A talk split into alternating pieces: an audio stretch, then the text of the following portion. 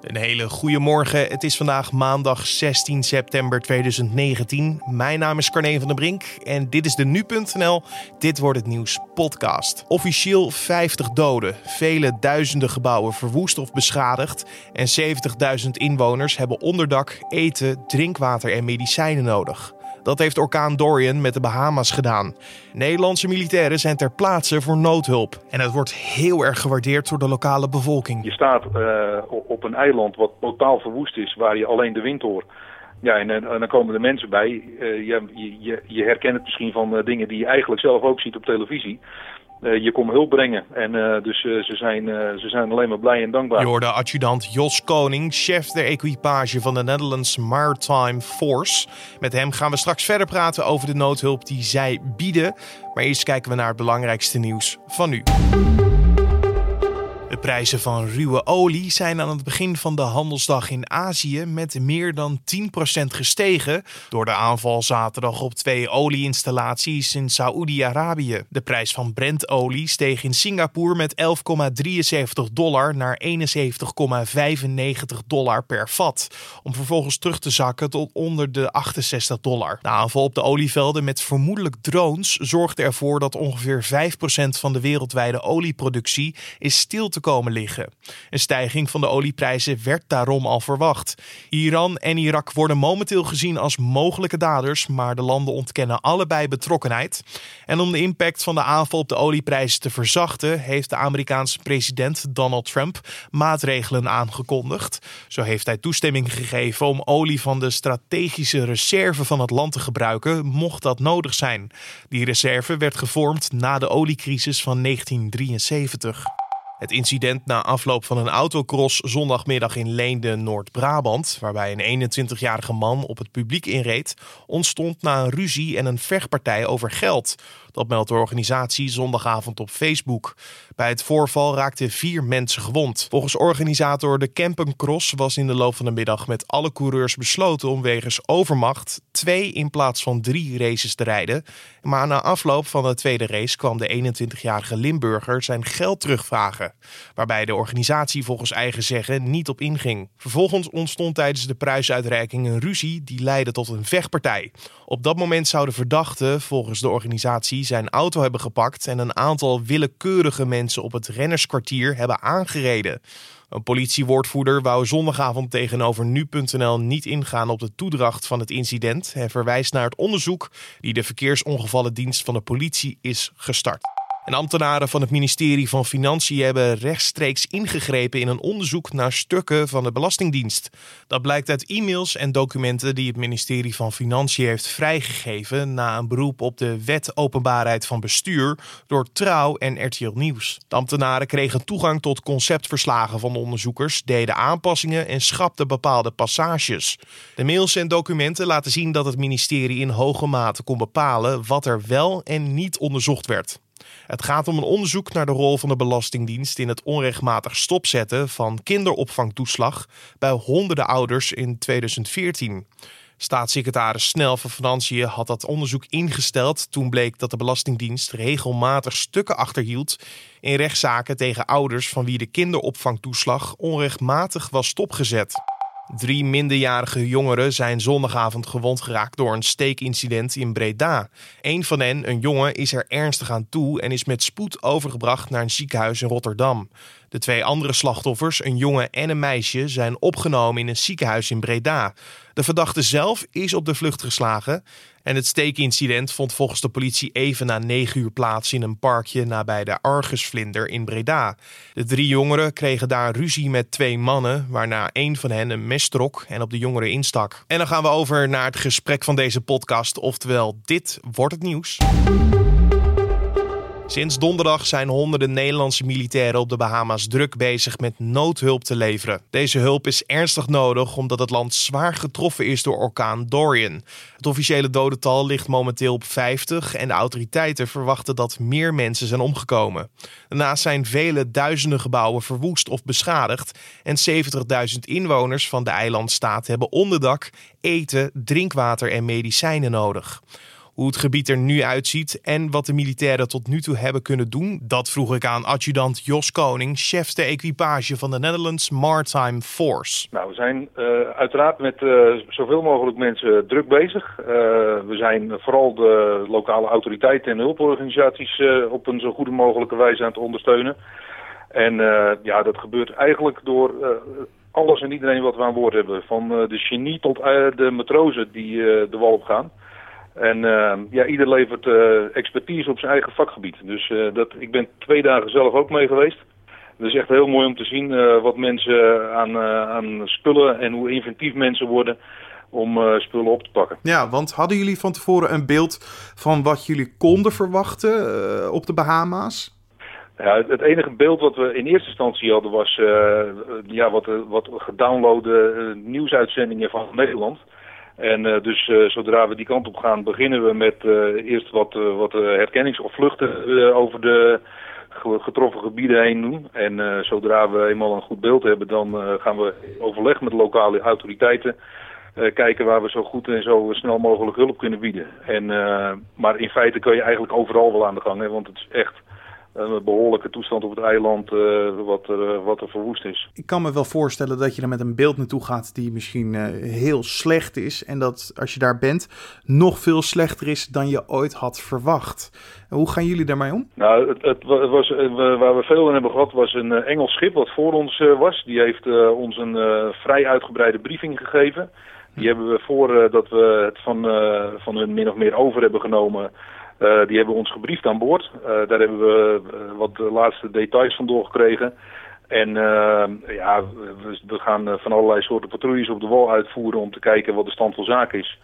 En, maar, dat, maar dat het zeg maar buiten alle inbeeldingsvermogens omgaat, dat is wel duidelijk. Ja. Als je van tevoren ziet wat er op televisie, wat we, wat we zeg maar, via het nieuws meekregen ja, als je daar dan zelf in één keer in staat, dan uh, daar, daar word je wel heel stil van. Want het is echt wel echt een serieuze ramp. In eerste instantie zouden jullie eh, op uh, zo'n soort situatie gaan trainen. Maar toen kwam deze storm en moest het oefenen in de praktijk eigenlijk plaatsvinden. Hoe was dat voor jullie om opeens te moeten omschakelen? Ja, dat is iets waar we natuurlijk al jaren voor trainen. En uh, zeker in aanloop naar deze oefening, waar we eigenlijk al uh, het hele jaar mee bezig zijn. We staan uh, vanaf uh, volgend jaar staan we gereed om ergens waar dan ook ter wereld ingezet te worden. dus we, we, waren al heel ver in dat trainingsproces. En ehm, dus we waren er min of meer wel klaar voor. Kijk, en, en noodhulp bieden, ja, dat klinkt raar, maar er zijn militairen eigenlijk altijd klaar voor. Hè? En we doen wat we kunnen doen. We zijn allemaal goed opgeleid. En uh, dus uh, zodra we ergens uh, mensen kunnen helpen, al is het met het vullen van zandzakken, dan, dan zijn we er. En, ehm, ja, en dat is juist hier wat we doen. We, we proberen de mensen zo goed mogelijk te helpen. En je merkt dat het, dat het aankomt, want de mensen zijn blij met ons, we worden goed ontvangen. Dus ehm, ja, uh, en hoeveel je je daarop kan voorbereiden, ja, dat, uh, dat zijn ook onze basisopleidingen die we al gehad hebben. Maar dat levert geen extra stress op van het feit dat je in deze situatie, het is geen training meer, dus dat je je geen fouten meer kan permitteren. Dat, dat levert het niet op. Nee, maar kijk, uh, dat, dat klinkt misschien wat, wat, raar of arrogant, maar hier doen we het voor. En de mensen hier aan boord die, sta, die stonden echt bijna te springen om de kant op te gaan.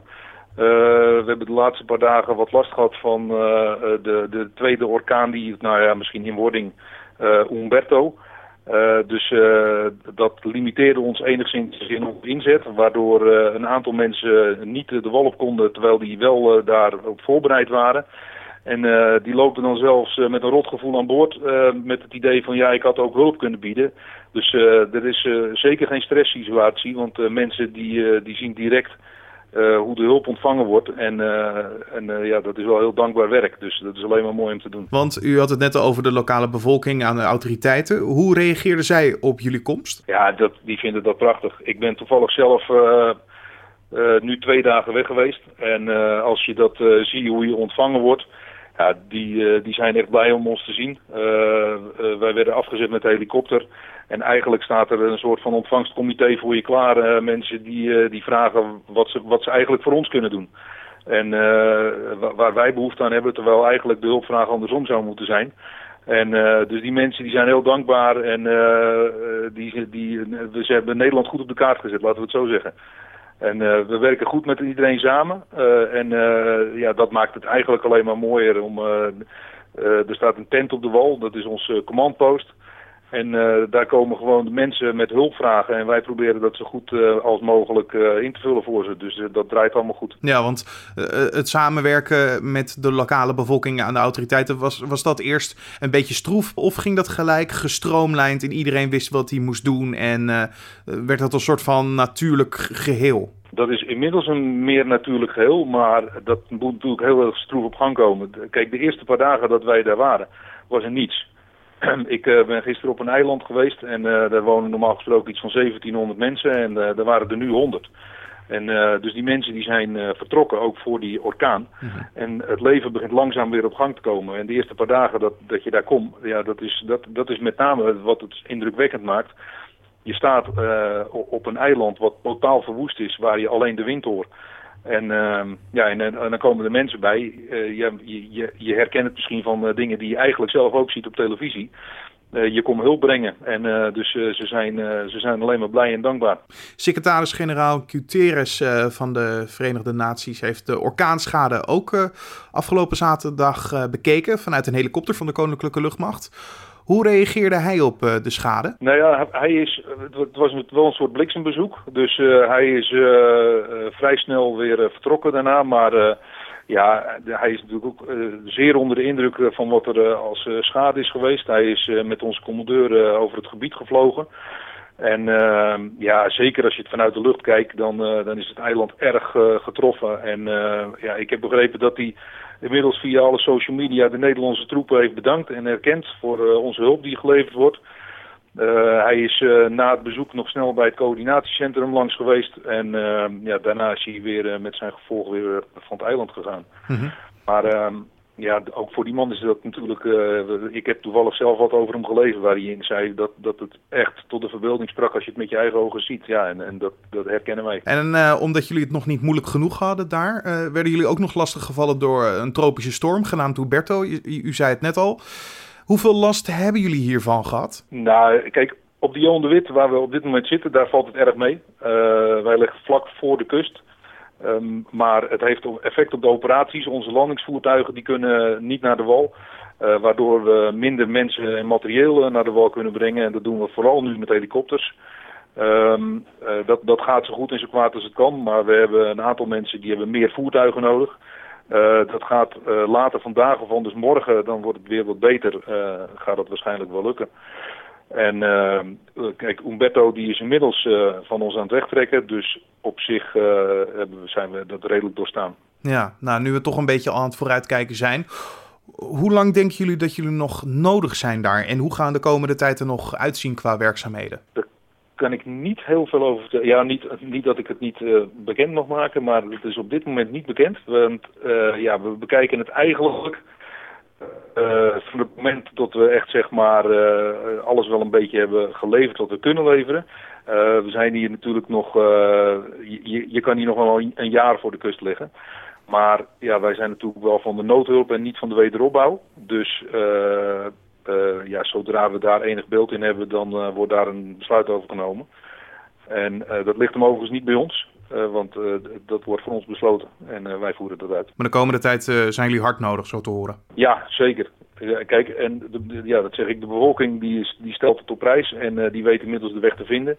Dus uh, die, die blijven komen, daar, uh, daar is geen twijfel mogelijk. Je hoorde adjudant Jos Koning, chef de equipage van de Netherlands Maritime Force. En dan kijken we naar de nieuwsagenda van vandaag. Vandaag moeten de Nederlandse YouTubers Ties Gransier en Govert Zweep voor de rechter verschijnen in de Amerikaanse staat Nevada. Het duo werd afgelopen dinsdag gearresteerd voor het betreden van de omgeving rond het zwaar beveiligde militaire terrein Area 51. Dat is een plek waar al decennia geruchten over rondgaan dat er buitenlandse ruimteschepen en aliens worden bewaard. Volgens de politie negeerden zij bewust waarschuwingsborden en ook vonden agenten videobeelden van het terrein op de camera's van de YouTubers.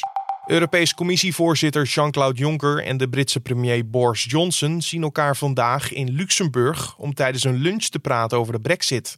Het is voor het eerst dat de twee leiders elkaar ontmoeten sinds Johnson een kleine twee maanden geleden minister-president werd.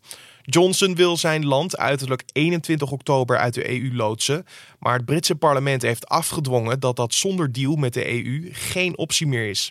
En in Rotterdam gaat de rechtszaak verder die draait om de dood van Caroline van Toledo in 2005. Het lichaam van de vrouw werd gevonden in de achterbak van een uitgebrande auto. Leon van M. was eerder als verdachte in beeld, maar hij werd in 2017 opnieuw aangehouden op basis van DNA-onderzoek. En dan nog even het weer. Het zal een regenachtige dag worden. Alleen in het zuiden is het ochtends droog, maar later zal het ook daar gaan regenen. De maximumtemperatuur loopt uit van 16 graden op het Waddengebied tot plaatselijk 21 graden in het zuidoosten. En er staat een zwakke noordwestenwind. En om af te sluiten nog even dit. Rick Ocasek, oprichter en zanger van de new wave band The Cars, is op 75-jarige leeftijd overleden. Hij werd zondag dood aangetroffen in zijn huis in New York en het betreft een natuurlijke doodsoorzaak, zo melden Amerikaanse media. Ocasek werd met The Cars in 2018 nog toegevoegd aan de Rock and Roll Hall of Fame. De band scoorde grote hits met onder andere My Best Friend's Girl.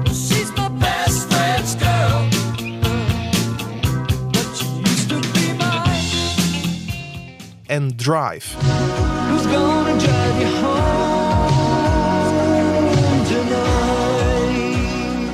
En een leuk feitje is dat de videoclip voor hun nummer You Might Think de allereerste MTV Video Music Awards won in 1984. En de concurrentie was niet zwak, want ze versloegen daarmee onder andere Michael Jackson's Thriller. Rick Ocasek is 75 jaar geworden. En dit was dan de Dit Wordt Het Nieuws podcast voor deze maandag 16 september. Je vindt de podcast elke maandag tot en met vrijdag om 6 uur ochtends op de voorpagina van nu.nl en in je favoriete podcast app. Je kan ons laten weten wat je van deze podcast vindt door feedback achter te laten in een mailtje naar podcast.nu.nl of je kan een recensie achterlaten in iTunes. Mijn naam is Carne van der Brink. Ik wens je een hele mooie maandag. Morgenochtend om 6 uur ochtends zijn we er weer. Dus ik zou zeggen, tot dan.